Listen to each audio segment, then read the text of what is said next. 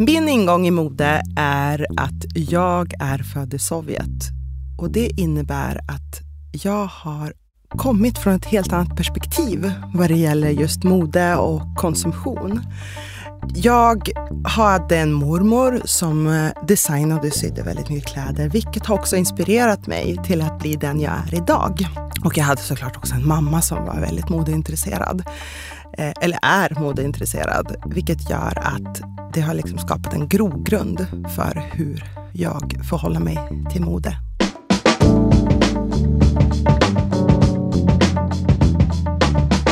Välkommen till Slow Fashion, en podcast om hållbart mode. Jag heter Johanna Nilsson och jag är författare, föreläsare och influencer med fokus på just hållbart mode. Det här är podden som vill inspirera och peppa till en mer hållbar garderob och snacka såväl problem som lösningar i textilindustrin. Ge ny kunskap, problematisera och fördjupa. Och idag så har jag med mig Monica Kitschau som gäst. Och du är ju stylist. Ja. Och modevetare. Och modevetare. Ja, och vi ja. ska prata styling och eh, ja, stilsjälvförtroende och det här med personlig stil som du pratar så himla mycket om. Ja, detta ord, ja. personlig stil. jag tänker att jag, vi kastar oss in direkt i det här. Mm. Mm. Vad, vi pratar just om kläder och så där, så mm. oftast så pratar vi om mode, vi pratar om stil, vi pratar om trend. Mm. Eh, vad, finns det tydliga definitioner av det här och hur tänker du kring liksom ja. det? Alltså, om vi ska prata om mode, vi börjar där, för det är ett stort eh, och eh, abstrakt begrepp skulle jag vilja säga. Det är många som har gett sig på att definiera det. Eh, och det man kommer alltid fram till är att det är liksom en abstrakt idé om, men också rent konkret så är det handlar om visuella, kulturella, kreativa uttryck i vår samtid, en spegel av vår samtid. Eh, och med det kopplat då en modeindustri och ett helt system för hur hur modet funkar.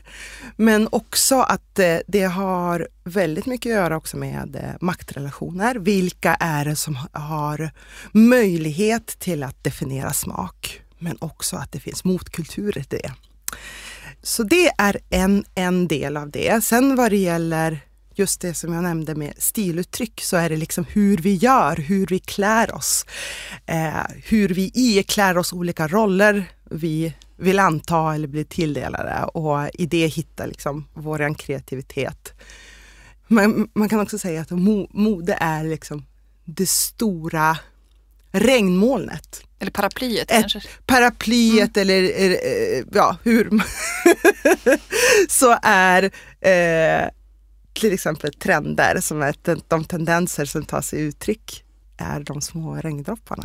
Mm. Mm. Och stilen då? Ja, alltså stilen är ju det som vi kan hitta, alltså där vi kan hitta våra, våra trender. Eller ja, alltså det finns ju olika. Så exempel, jag har ju eh, mina första skolår hade jag skoluniform. Och den hade ju då en viss stil mm.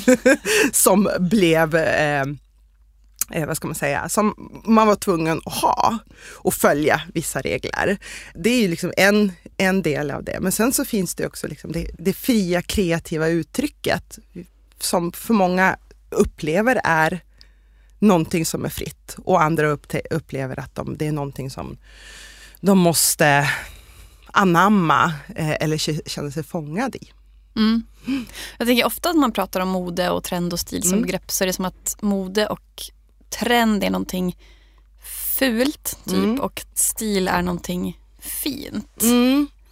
Det där tror jag är en, egentligen, jag skulle inte vilja säga förlegad. Eh, Feltolkning eller? Fel, ja, både feltolkning. Jo men man, man, kan prata om stil som att ja, men det där är chict eller vad det är. Ja. Men lite som att man, här, om, man om man följer trend eller modet, ja, men ofta kan ju det vara förknippat med så här, trendslav. Eller? Ja, alltså precis. det är någonting negativt ja. medan stil står för någon slags eh, rakrygghet ja. hos bäraren. Mm. Men om vi säger så här, vi är ju som alla en del av modet på ett eller annat sätt.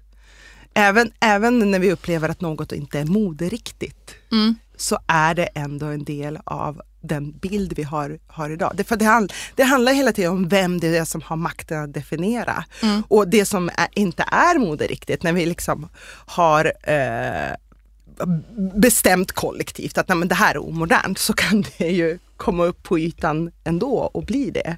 Mm. Eh, det fula kan bli någonting vackert och Mm. vi- vice versa. Mode är ju mycket mer abstrakt än vad stil kan du ju mycket mer ta på. Trender Mm. kan du mycket mer ta på. Det är liksom de tendenser vi ser eh, som bejakas i vårt samhälle. Men jag tror att det är snarare så här att mode är ett begrepp som används lite slentrianmässigt. Mm. Bara för att man har en modevisning i Paris eller i New York eller i Stockholm så betyder det inte att allting som kommer ut på den där catwalken blir mode. Mm. Och det är inte där modet sker, utan mo- modet sker ute på gatan. Modet sker eh, ute i de kreativa rummen där de- designers skapar och blir inf- influerade.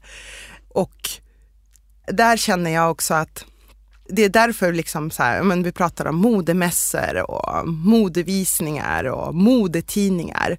Men vi vet ju att det är, ba, det är bara de som liksom har egentligen en maktfaktor och ett utrymme. Vilket har också inneburit att de har i vår samtid, om vi ska prata om liksom vad våran samtidsspegel är, så har de ju lite grann också förlorat sin position. Alltså utifrån att man nu, alltså att egentligen utifrån liksom att vem som helst kan, Ja, göra anspråk på Mm. det ordet. typ sociala medier eller vad som Sociala medier, influencers. Eh, modemagasin är ju inte längre våra så kallade tastemakers Mm. till exempel. Mm. Det ser vi till exempel hur ja, men, Svenska L eh, har fått jobba om sitt sätt att nå sina läsare. Det är genom bloggare Mm. och genom influencers. Och det, det säger någonting om vår, våran samtid. Det är inte längre den här moderedaktören, den mytomspunna moderedaktören som sitter med sitt crew, redaktionscrew och bestämmer att de här fem väskorna ska vara inne. Utan våra så kallade tastemakers, de kan eh, vara på i princip vilken nivå som helst. Och, och så har det kanske ändå varit alltid. Men idag finns det liksom tydliga plattformar för hur du kan nå Mm. ut på Jag andra sätt. på, jag gjorde ett avsnitt om trend Ja. också. Eh, och då var Kalle Malmgren som var för detta creative director på Cheap Monday med. Mm. Och han pratade just om, lite samma diskussion som det här men han fokuserar mycket på trend. Men han Mm. pratade just om så här, att förut pratade man trickle down, Mm. så överklassen definierade. Och att nu pratar man mer om liksom trickle through. Att Mm. man plockade liksom influenser och referenser Mm. vart som helst ifrån och upp och ner och hej och hå, fram och tillbaka. Ja. Liksom. Att det också är en sån där mode, liksom, Mm. ja, det ser man. så. Mm. Men jag tänkte på att man kan fundera lite grann på det här med, är det så att vi har också den här, om man tänker mode som ett kreativt konstuttryck snarare, Mm. har det liksom överskuggats av att vi nu på något sätt snarare då ser mode som synonymt med konsumtion? Mode är absolut i den här äh, kapitalistiska logiken synonymt med konsumtion. Mm. Eh, mo- mode som vi förstår det idag handlar väldigt mycket om att förkasta det gamla och hylla det nya, nyhetens behag. Det är därför vi har ett system som bygger på de här modevisningar och- så vidare. Att det finns liksom säsongstendenser. Och, Eller och drops vidare. varje månad Eller drops varje månad. Eh, mm, ja. eh, det är ju en konsekvens av eh, den allt snabbare tillväxt. Men behöver det vara synonymt då? Behöver mode, alltså jag tänker som du säger så att mode, själva begreppet handlar väl om en Mm. framåtrörelse. Mm, mm, precis. Så att, ofta kan man prata om att så, hållbart mode eller liksom slow fashion egentligen är en motsatsbegrepp Mm, på ett sätt. mm. Men måste det vara eh, Måste det vara så mycket konsumtion kopplat till mode eller skulle vi kunna få utlopp för liksom det kreativa ändå? Absolut, Mm. absolut. Eh, jag tror att vi mer och mer kommer förstå sätten vi kan vara kreativa på i framtiden och samtidigt kunna vara modemässiga. Alltså jag menar, jag till exempel som ung Eh, jag är fortfarande ung tror jag. men, men du fattar. Mm. Alltså, I mina tidiga 20 när jag kanske inte hade sådär jättemycket pengar men älskade mode. Eh, har för sig inte så mycket pengar heller. Men, Bara, men, men sätter det i perspektiv att man har en studentkassa mm. att röra sig med. Mm. Eh, så fanns det då för mig möjlighet att uttrycka mig modemässigt och ändå ha hög modegrad på mina kläder fast jag handlade second hand till exempel.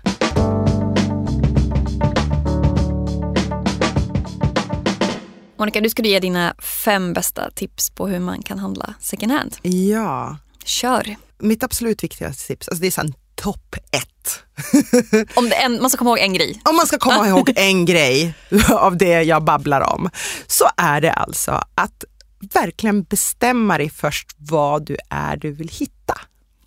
Det är som att du ställer in din hjärna på någon slags sökläge. Idag vill jag hitta en snygg skjorta eller idag vill jag hitta den här typen av klänning. Du kanske har sett någon bild och så går du ut och letar. Alltså, när, när, du har ställt in di, di, din, din, din sökmotor, din IRL-sökmotor på att det här vill jag hitta så kommer du hitta det.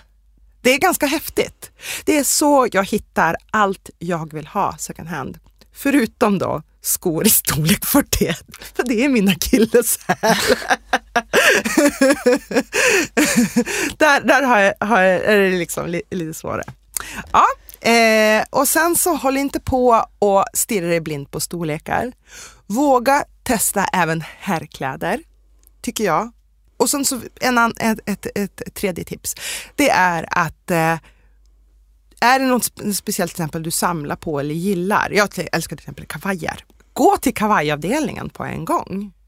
Så börjar du där. Så, och väldigt ofta så handlar det om att liksom testa, hitta ditt sätt att bära det på. Och bara känna att eh, det här plagget har potential. Tips nummer fyra är att lära känna dina fallgropar. Du behöver kanske inte 50 porslinskossor. men, men, men, så, det handlar också om, ny, om nya kläder, alltså det är, det är samma sak. Så här. Inventera vad det är du har. Alltså vi behöver inte proppa våra garderober med samma typ utav plagg eller plagg vi faktiskt inte behöver. Så gör så, att fundera verkligen så här på, på behöver jag verkligen det här? Det tycker jag är viktigt när vi konsumerar. Mm. Och sen mitt eh, femte tips, det är att prova, prova, prova. Ta dig tid i provrummet och bara experimentera och se verkligen möjligheter till att se potential i plaggen. Allt handlar egentligen om kreativitet, men tyvärr så har konsumtionen lagt locket på vår kreativitet. Mm. Folk kan ju idag till exempel inte sy i samma utsträckning. De kan inte heller göra remakes på samma sätt som man kanske gjorde för 30, 40, 50 år sedan. Alltså då, jag, har, jag har en eh, en, en, bild på min släkt i Ryssland och den bilden är cirka 120 år gammal. Mm. Och där har, jag tror att det är min mormors syster, mm. på sig en blus. Och sen finns det liksom en flera serier bilder tagna efter det där hon har samma blus på sig om den är omsydd. Mm. För så gjorde man ju förut mm. och det var inte för att de, de var inte fattiga. Mm. Det ser inte ut så på bilden i alla fall. Jag vet väldigt lite om min släkt. Mm. 120 år bakåt i tiden. Men de ser inte ut att vara fattiga, de ser ut att eh, bo i staden. Mm. Eh, de är välklädda. Men att sy om sina kläder och förnya dem på det sättet. Det hör till vanligheten och jag tror att vi kommer göra mycket, mycket mer. Men är det det att vi helt enkelt inte behöver för att vi landar i lite det här att saker är tillgängliga och billiga för de flesta av oss? Liksom? Ja men det, det är självklart. Ja. Alltså mm. det har blivit billigt och det, på, det, på det sättet så har vi liksom glömt bort kunskapen. Eller glömt bort att vi har en möjlighet, att vi har ett val. Mm. Eh, att kunna skapa är det lite av en stylists uppgift egentligen. Mm. Att er visa vilken palett som finns. Eller hur skulle du definiera den rollen? Det finns ju olika typer av stylister. Ja, utifrån Eh, du då? utifrån, utifrån mig. Eller hur du Ja. definierar? Ja, alltså jobbar jag, alltså det beror på vad jag har för uppdrag såklart. Mm. Men jobbar jag till exempel med så här personlig stil, då är absolut min roll att inspirera. Men för många steget att till exempel börja sy om sina kläder, det är inte liksom där, där vi är, utan de som vänder sig till mig vad, vad det, när det gäller deras personliga stil så handlar det mer om att hitta en stil eller eh, förädla den. Eh, Medan om vi, när, när jag jobbat redaktionellt så handlar det absolut om att kun, kunna inspirera människor till att göra precis vad fan de vill med, med det, den inspirationen man skapar. Och det, och det ska man inte glömma bort. Du kan, göra, alltså du kan ta verkligen plocka russinen ur kakan, du kan förkasta det, du kan liksom kopiera det rakt av och bara göra det till någonting eget. Och då kommer vi till kanske frågan om den personliga stilen. Det här begreppet som Det alla, begreppet. det är ju en trend varje år typ. Ja, Men vad är personlig stil liksom? ja, alltså det är en myt. Ja. Jag tänker det känns som att inte som att vi är så självständiga generellt utan Ja. att vi är en, ändå en del av systemet oavsett Ja. om man... Vi är självständiga på det sättet att vi har valmöjligheter. Mm. Oänd, framförallt i vårt samhälle, oändliga Jag valmöjligheter. tänker att det är också det som är så jäkla jobbigt. Ja, precis. Men personlig stil är det du känner dig bekväm i. Det som kanske många gånger boostar dig. Mm. Det som gör att du känner dig eh, redo att möta omvärlden i. Men, men, men det är ju som bara en del av det. Det är för att vi har haft personlig stil ända sedan liksom modets begynnelse. Alltså man tänker så här, eh, typ tittar man på typ renässansmålningar från många, många Mm. hundra år tillbaka så är det egentligen där man börjar se att det finns verkligen en personlig stil hos folk. Så att säga att liksom, personlig stil är Mm. på modet, det har den varit eh, i cirka 500-600 år. Mm. Det, det funkar alltid. Ja, sen, sen och, och, och såklart så från, från den punkten vi slut, slutar vara traditionella och börja bära folkdräkt. Men även folkdräkten kan vara högst personlig. Mm. Alltså, så nej, det där, det där är ju ett sätt att, att sälja och kanske, kanske göra folk lite ängsliga. Jag tänker, precis, det Ja. jag tänker just mode känns som att det handlar väldigt mycket om att skapa mm, lite osäkerhet. Jag, tänkte, jag gjorde ju ett, ehm, ett annat poddavsnitt Mm. med Jakob Östberg som Mm. är reklam, professor i reklam och PR. Mm. Pratar om konsumtion och Mm. just det att all konsumtion utgår från osäkerheten. Ja, Eller snarare liksom, önskan om att bli ett bättre jag eller, ja, eller någon annan. än någon annan Ja. eller få ett glansigare hår eller vad det nu kan vara. Exakt. Att tänka att, att det är där vi liksom hela tiden rör oss. Mm. Modemagasinen handlar ju om ja, men, rätt i vår Mm. betyder att höst var, det som var i höst var ju f- är Ja. fel. Mm. Kan personlig stil vara på något sätt ett, ett medel, tänker utifrån din roll som stylist också då, att, Mm. att ge det här självförtroendet till folk. Mm. Hur kan man tänka kring det? Hur får man det här självförtroendet? Hur får man det här självförtroendet? Jo, och det är ju att man tar reda på vad det är man gillar. Alltså det, det är faktiskt så enkelt. Tycka om sig själv Mm. är ju också en jätteviktig sak. Så det är inte så mycket färg på tröjan utan nu pratar vi mer liksom självkänsla. Ja, Ja. absolut. Absolut. Jag tycker att stilsjälvförtroende får man, måste komma inifrån. Därför det spelar ingen roll hur pass fashionabla kläder du har på dig, hur rätt du är. är känns det liksom ruttet inombords, då det, det är ditt stil, ja i och för sig du kan ju liksom skapa det som känns tryggt för dig. Absolut. Men, men eh, för att känna att kläderna boostar en så tror jag att det är jättebra att bara gilla det man ser i spegeln. Mm. Men om man är en sån där, jag tänker, det låter nästan som att det kan bli ännu mer press då. Om man Mm. till och med, ja, här, man är en sån som trivs allra bäst i mjukisbyxor Mm. och man känner sig ganska osäker i olika sammanhang Mm. man hamnar i. Mm. Eh, och så pratar vi om att man kan liksom inte ens ta en genväg till stilsjälvförtroendet Mm. utan Det kan ju Mm. bli också lite pressande. Jo, det kan absolut vara Mm. pressande, men det, han, det handlar inte om det. Alltså det. Det handlar om att du måste tro på dig själv i första hand. Mm. För det, det är ju vi- via kläderna så presenterar du bara egentligen dig själv. Mm. Förstår du hur jag Mm. menar? Det är ju liksom, såklart, skulle vi gå nakna så skulle vi liksom beträda ett ganska stort tabu. Mm. Ja, Ja, kallt. kallt också. eh, men, men, men, men, det, men det handlar om att när du liksom bara känner att eh, jag tror på det här jag har på mig så Mm. kommer ju, och då spelar det ingen roll egentligen Egentligen så spelar det då ingen roll vad det är du har på dig. Du kan ha enligt konstens alla regler fel kläder men har du gjort det, det valet och du kan stå för det, då kommer ju ditt stillförtroende, stillsjälvförtroende komma ifrån det. Jag gillar till exempel att göra såna här äh, felval. Liksom göra en sån här twitch med att man gör, gör något fel i sin stil för att det ska liksom vara lite retsamt typ för ögat. kavaj, mjukisbyxa. eller? Typ kavaj, mjukisbyxor. Mm. Eller eh, typ mönstermixa på eh, alla möjliga konst... Det som andra skulle tycka bara var konstigt. Men jag tror att jag ändå uppfattas som att jag har ett till självförtroende Mm. på grund av att jag bara kör. Mm.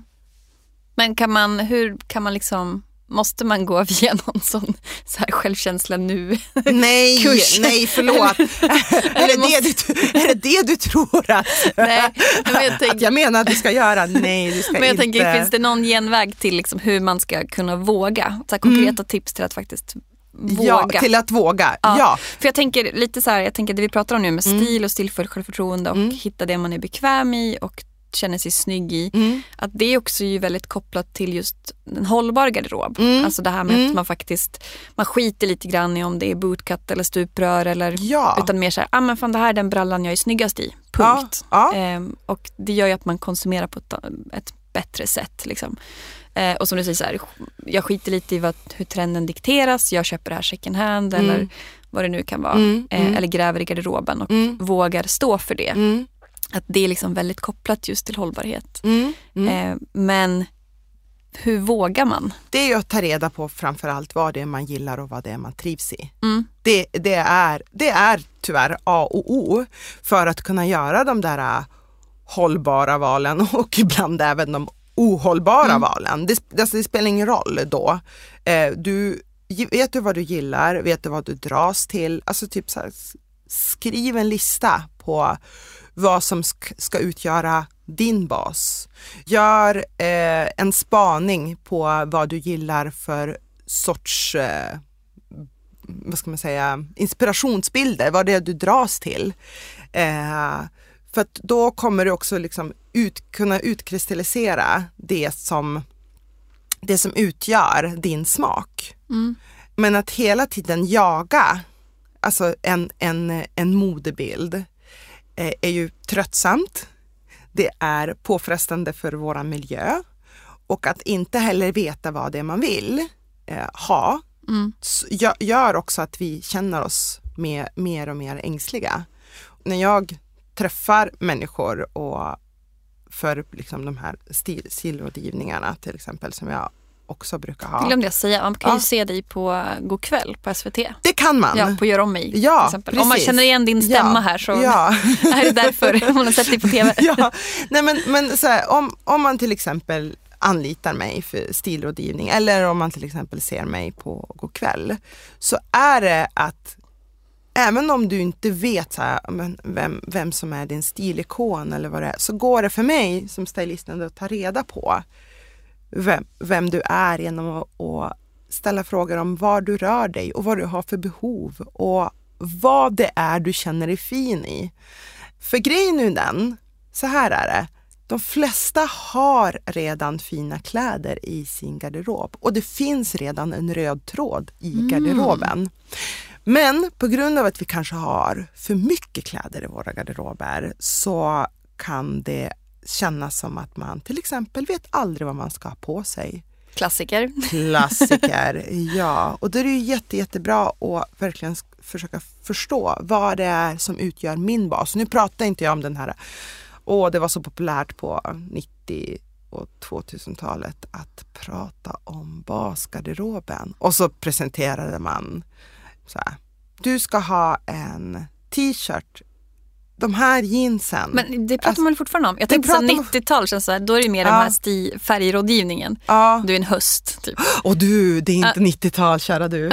Det- Jag trodde till och med härstammar från 70-talet. Ah, Ja, okej. Men du vet, så jag tänker så här mood rings. Och, Ja. och liksom, alltså, jag, jag, alltså jag får liksom, Ja. jag, alltså, i alla fall så boomade det redan på 80-talet. Mm, med den färgskala grejen. Ja, liksom. precis. Men jag tänker den här basgarderoben tycker jag hela tiden. Att Ja. Det är som att, typ att när modemagasinen ska göra liksom ett, nu gör jag citationstecken här Ja, vilket inte mm. syns då i radio Nej. i podd. Men Ja. att hållbar garderob är synonymt med någon slags minimalism och Ja. att det är samma sak med bas-t-shirt, skjorta, jeans. Och jag tänker hela tiden så här, men om man inte typ trivs i så här skjorta, då Ja. ska man väl inte äga någon? Nej, alltså du, spring från den där skjortan. Mm. Alltså, det är inte, om det inte är din bas, Mm. Gå. vänd, vänd dig om och tänker, gå. den, eller hur? För jag tänker oftast pratar man om så här fem klassiker Ja. typ, och, såna här, och, jag bara, och jag känner väl lite så här mer att It's a myth. Ja, att klassiker är väl mer ens egen klassiker. Ens egen klassiker. Ja, jag skulle aldrig ta på mig ett par pumps men det är bara för att jag pallar inte gå i liksom, Nej, så varför ska det vara klackskor. din bas? Ja, tänker, och då ligger de ju oanvända vilket är ohållbart. Ja, Liksom. precis. Nej, välj det som funkar för dig. Fråga dig själv, Mm. vad, vad behöver jag i min vardag? Till exempel, jag nu utgår jag från mig Mm. själv. Ja, eh, för ett och ett halvt år sedan blev jag mamma. Eh, jag jobbar som stylist och jag eh, DJar också ibland. Mm. Så jag behöver kläder för de här olika sammanhangen. Det vill säga, ibland står jag på scen eller ibland med- medverkar jag i TV. Jag behöver absolut kläder för när jag tar mina bilder för sociala medier. Alltså det är en jätteviktig marknadsföringskanal. Det, så det kan man inte sticka under stolen med. Liksom. Ehm, och jag behöver kläder för att krypa runt med min unge Mm. på golvet. Och när jag börjar liksom nysta i det här då blir det ganska tydligt för vad jag har för klädbe klädbehov. Mm. Och de kan absolut gå in i varandra. Det är ju det bästa, när jag kan ä- ha kläder som liksom jag kan använda vid fler tillfällen än bara i de här, de här rollerna. Och jag gillar ju kläder som syns. Jag gillar eh, kläder med mycket form och intressanta snitt och sådär. Så till och med när jag har kläder för att krypa runt med, med, med, med, med, mitt barn så vill ju jag känna mig fin. Och då måste jag hitta lö, lösningar för det. Och, och det, det här går ju, just det, det tankesättet tror jag går att applicera på varje människa. Mm. Men problemet är när vi har för mycket kläder och det har aldrig liksom funnits någon agenda än att, att det är fint på galgen eller att det är någon moderedaktör som har sagt att det är snyggt. Mm. Eh, och vi går tanklöst och köper det. Då är risken är att det, har liksom, det ganska snabbt förlorar sin betydelse eller det blir bara någonting som hänger fint i garderoben men det kan inte appliceras i din vardag. Och det är det, det absolut ohållbara. Mm. Så man ska liksom tänka ja, men sagt, behov snarare än... Tänk ditt Ja. behov. Mm. Tänk på vad det är som gör att du vad, vad, vad, vad du känner dig snygg i. Mm. Eh, och de här färganalyserna, alltså på riktigt, det är ju fort, det är, det är helt fantastiskt egentligen hur man kan bygga ett helt system av färgkodning. Rätt och fel. rätt och fel. Mm. Men där får jag så här, du vet, jag får irritationsexem bara av tanken. För att grejen är den att vad det, vad det gäller våra, våra modesammanhang eller våran tidsanda så, så finns det ju också så mycket färg som, som ändras för vad som är inne eller ute. Så helt plötsligt har du ju liksom handlat en hel garderob i de färgerna som eh, den här eh, färganalysdamen, eh, det är oftast en dam, eh, ha, har gett dig. Och det kan både kännas omodernt, du, du bara känner så här, alltså jag, jag är ju höst men alltså det här funkar, alltså varför, varför känner jag att det här inte boostar mig? Mm. Till exempel så har jag på grund av min mörka hudfärg fått höra att jag är jättefin i färg. Eh, vilket har gjort typ att jag, liksom, vet, jag har inte känt mig Alltså, med färg så menar vi färgstarka. Mm. Det, det, och det är, så här, det är väldigt ofta när man är mörkhyad eh, får höra att man är fin färgstarka färger. Cerise, typ. Cerise, mm. turkos, eh, you name it. Och jag har liksom inte känt överhuvudtaget för de här färgerna väldigt, väldigt länge. Tills jag hittade mitt sätt att bära det på, tills jag hittade min pepp för det. Mm. Eh, det spelar ingen roll om vad det andra säger. Du måste känna att det här är någonting som du kan bära, som du kan matcha, som du kan få feeling för. Mm. Men jag tänker då backar vi hela tiden tillbaks till just det här egna självförtroendet. Att liksom veta lite grann vart i systemet man ska vara kontra ställa sig utanför. Mm. För jag tänker att det du pratar om nu är ju egentligen att någon annan ska ge dig, diktera dig någon typ av säkerhet eller trygghet. Mm. Mm. Men det, egentligen, det det egentligen bara gör är ju osäkerhet. Att, alltså lite det här med den här klassiska ja, men så här basgarderoben. Mm. Och så tänker man så här, ah, men nu har jag hittat liksom, någonting Mm. som gör mig väldigt trygg och ger mig självförtroende. Mm. Så kanske man inte alls känner så. Att det i sig kan ju då skapa Mm. ytterligare en osäkerhet. Att Mm. inte ens i det här sammanhanget kan jag känna mig liksom, rakryggad. Mm. Fast jag borde göra det. Mm. Liksom. Mm. Men att det är väl som du säger att man hela tiden egentligen bara, det handlar bara om att backa tillbaka och skita lite i sin omvärld. Ja, sätt. precis. Jag, jag, jag, jag tycker det. Mm. Våga ta ett kliv utanför och Mm. verkligen fundera på vad det är som funkar för dig. Sen, sen så ska vi inte glömma bort heller att trots att man upplever att mode kan vara liksom påtvingande på många olika sätt och att man ska liksom stöpa in sig i olika ideal så ger det otroligt mycket lust och pepp för så många, framförallt kvinnor. Mm. Alltså jag tänker så här, typ, det finns ju ingen industri där kvinnor genom de senaste århundraden kunnat göra en, en fantastisk karriär Mm. och verkligen ha det helt så här okonkurrerat på många sätt från männens eh, domän. På grund av att kvinnor har liksom på något sätt ägt modefrågan på gott och ont. Mm. Det, kanske, det är väl därför det också brukar anses vara väldigt ytligt. Ja, precis. Den här kopplingen, liksom. Ja, men mode kan vara absolut feministiskt. Mm. Eh, men, men för att liksom komma tillbaka till det här att egentligen så kanske det inte är kläderna du bär som, som ska ge dig liksom det ultimata självförtroendet utan det är kanske någonting annat. Men det kan vara absolut vara en hjälp på vägen Mm. eh, att, att, att hitta det där som gör att du kan till exempel känna dig självsäker i ett styrelserum eller ett eh, jobb, jobbmöte eller nu ska ut på dejt eller vad, vad det nu är. Eller, ja. Mm.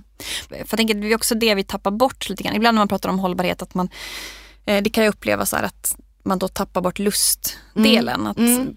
Särskilt kanske ja, men om man pratar om att ja, men minimalism eller Mm. pratar om den här basgarderoben Mm, eller vad det kan mm. vara. Att det blir så himla, det blir så mycket av ett system Mm. och liksom Mm. konformt på något sätt. Mm. Medan jag tänker att det snarare kanske handlar om att, eh, men lite som du är inne på, att den hållbara konsumtionen handlar ju mer kanske om att här, ja, men, ja, då veta vad man gillar. Mm. Men också, jag brukar prata mycket om konsumtionsstil. Att, Mm. ja, men är man den som, ja, men jag är en sån person som att skulle jag bara få äga ett par byxor så skulle jag liksom, om det var definitionen av hållbarhet, Mm. då skulle jag ge upp för att jag Mm. tycker att det är så jävla tråkigt. Mm. Men då är lösningen för mig second hand eller att hyra grejer eller byta. Eller, för då kan jag liksom utforska och ha, Din någon, stil. ja, och ha någonting typ fyra gånger och så bara nej, det här Mm. printet var ju inte Mm. jag. Eller Mm. var det, Det där, det, där, det där är jätteviktigt. Eh, Jag brukar också tänka så här att det är så himla smart att om du vill utforska en stil eller om du vill liksom testa någonting, börja med att hitta det second hand. Och liksom test, testa det så och sen bara, nej men det, det, här, det här funkar. Då, då kan du, om, om du liksom vill hitta fler av det plagget, kanske Mm. köpa nytt. För jag, jag tycker att det som second hand-kläder ger oss möjligheten till, det är ju just att, eller hyra, mm, eh, är ju just att utforska våran eh, kreativitet och var, var det är liksom vara våran komfortzon. är någonstans. Sen vet ju jag att det är inte lätt för alla att hitta saker och ting second hand. Så är det ju Mm. beroende på vad det är för, för storlek man är och sådär. Eh, om man till exempel har storlek 35 är det ju såklart enkelt att hitta vintage-skor. Mm. Mycket enklare än om man till exempel är storlek 41 som jag. Mm. Hitta i princip aldrig skor second hand om jag går på typ ja, men Myrorna eller Röda Korset. Eller, det är jätte, jättesvårt. Mm. Och, och, så, och så tittar jag på det här, alltså om jag bara hade storlek 38 liksom, Mm. då skulle jag kunna ha helt sjuka, snygga, moderiktiga skor. Mm. Men det är ju det också att utforska det som du känner att, så här, vad, vad är din logik i din garderob? Om det är fem par byxor som gör att du känner att du så här, förnyar dig Mm. hela tiden eh, ihop med liksom en massa tröjor, eller, ja, så kör på det. Konsumtion är ju ett beteende som vi har. Oavsett om vi handlar nytt eller gammalt så tycker jag att man ska vara vaksam för, för köp, köpdjävulen. Mm. för jag, jag, visst, man, man kan säga att man kan vara shopaholic när man handlar second hand. Absolut.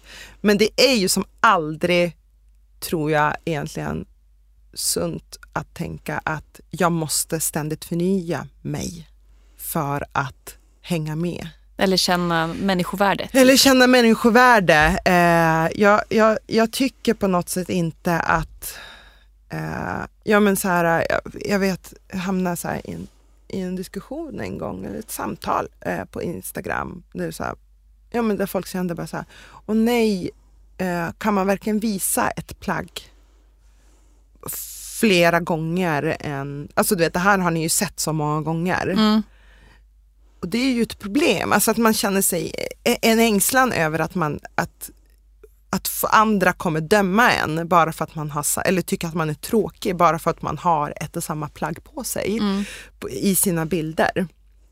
Eh, och det är ju en effekt av det här eh, att vi måste ständigt förnya oss. Men också jag tror, som jag tror att det som håller på att ske i sociala medier och i, på Instagram, det är ju att det, vi måste ha på oss något som är nytt hela tiden. Skit i det. Alltså, jag- känner, du ett, känner du ett statement-behov där av att återanvända grejer då? Ja. Fast det är ny styling bara för att... Ja, visa att- jag vill jätte, alltså, Ja. alltså mer, mer, jag blev som, blev som triggad och Mm. så peppad av de, alltså de som, som pratade om det. Jag, bara, jag tycker att liksom, alltså bara kör.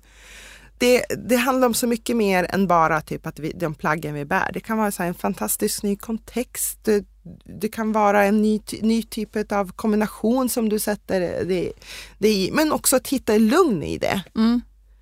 För det är det som är, är ett problem idag. Det är det att vi tror att vi måste ha på oss nya kläder varje dag. För att, inte vet jag, imponera. Räcka till, typ. Räcka till Mm. eller det behöver inte vara så.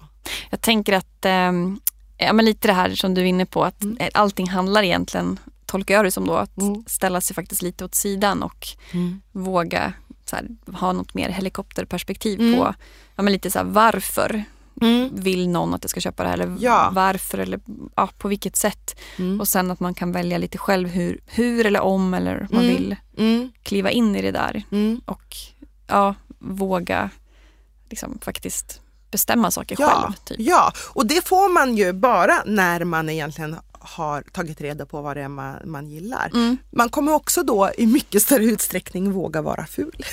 Förstår du vad jag Ja. menar? Mm. Att våga göra de här äh, experimentella valen. Eh, För att Alla Det- dagar blir inte bra. alla, alla dagar behöver inte vara bra. Nej. Och också vara liksom lite schysst mot en, mot en själv. Men också typ att eh, jag älskar det, det som till exempel en designer som eh, Ann-Sofie Back gjorde.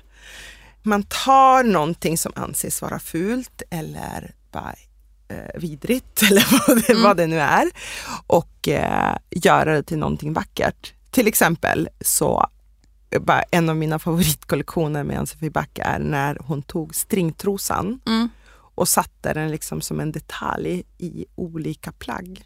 Jag har en Mm. klänning från, från henne.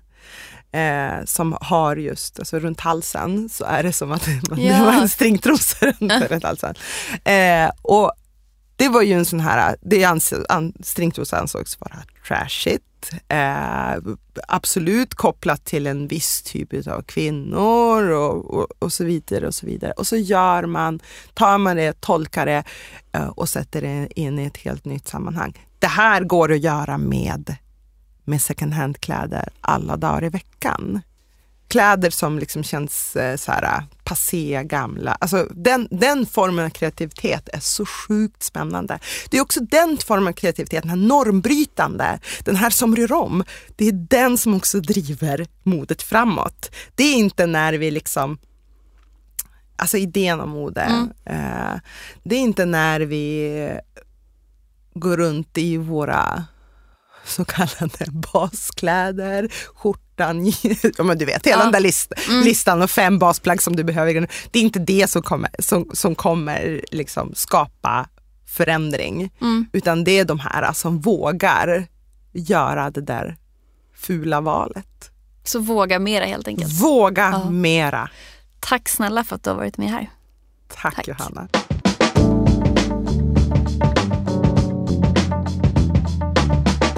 Du har lyssnat på Slow Fashion-podden och du hittar mig på johannanilsson.se och med samma namn på Instagram också. Så att johannanilsson.se. Och låt oss snacka vidare där. Och du får jättegärna betygsätta den här podden i din poddapp så att fler kan hitta den. Och gärna tipsa vidare såklart också. Tack också till Beppo för produktionen. Det här programmet görs på Beppo. Beppo. Beppo.